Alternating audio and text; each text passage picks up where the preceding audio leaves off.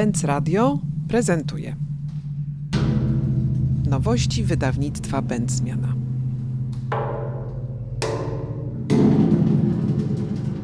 Joanna Kusiak, jestem socjolożką, zajmuję się badaniem miast e, Warszawy, ale też Berlina. Pracuję naukowo na Uniwersytecie w Cambridge. Książka Chaos Warszawa powstała jako próba dotarcia do i wyciągnięcia może na światło dzienne porządków systemowych, które kryją się za tym, co nazywamy w Warszawie chaosem czy chaosem przestrzennym. Ja twierdzę, że ten chaos nie jest czystą przypadkowością, ale raczej sumą skoordynowanych i nieskoordynowanych działań na różnych szczeblach lokalnym, miejskim, krajowym i międzynarodowym. I te wszystkie skale, na których ten chaos jest organizowany, w tej książce są zaznaczone i opisane. Chaos Przestrzenny to jest takie słowo, które używamy do tego, żeby wyrazić nasze niezadowolenie z miasta. Jest to słowo, które stało się wręcz mitologiczne. Mówimy o chaosie przestrzennym, chaosie reprywatyzacyjnym. Więc w tej książce ja wybieram kilka takich przypadków, które funkcjonują w naszej debacie publicznej jako takie przykłady chaosu. Na przykład Białołęka jako chaos przestrzenny, chaos reprywatyzacyjny, czyli postępowania sądowe dotyczące reprywatyzacji.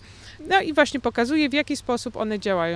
Książka jest też podsumowaniem tego, co się działo w transformacji i w jaki sposób transformacja Polski do kapitalizmu zadziałała i nie zadziałała w miastach i w jaki sposób ona powypaczała nam tę przestrzeń miejską.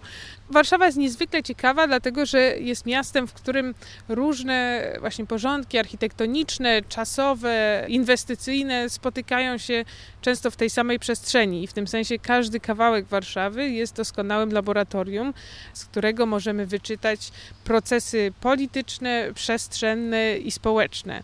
I ta niespójność tkanki miejskiej Warszawy. W tym sensie dla badacza czy badaczki jest bardzo interesująca, dlatego że te wszystkie procesy spotykają się tu nie tylko teoretycznie, ale właśnie też fizycznie. Jeżeli spojrzymy na przykład na przestrzeń warszawskiej Białołęki, to możemy z niej wyczytać i to, czym zajmował się Bank Światowy w latach 90.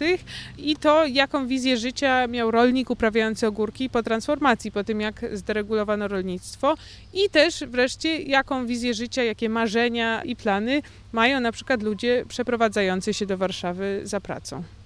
Książka Chaos Warszawa jest zarazem krytyczna, jak i strategiczna, można powiedzieć. To znaczy, z jednej strony krytyka w takim głębokim sensie, nie jako po prostu narzekanie, ale jako próba głębokiego zrozumienia tego, w jaki sposób dotarliśmy tu, gdzie jesteśmy i dlaczego właściwie jesteśmy niezadowoleni z tej przestrzeni, bo tylko jeżeli zrozumiemy te porządki, to będziemy mogli próbować je zmieniać. Dlatego ta krytyka jest dla mnie nie tyle punktem dojścia, ale punktem wyjścia po prostu do rozmowy strategicznej, rozmowy o lepszej Warszawie, która musi być dyskusją nie tylko o przestrzeni, o wizji przestrzeni, ale też o tym, jak tę wizję umocujemy w prawie, bo tylko wtedy ona zadziała.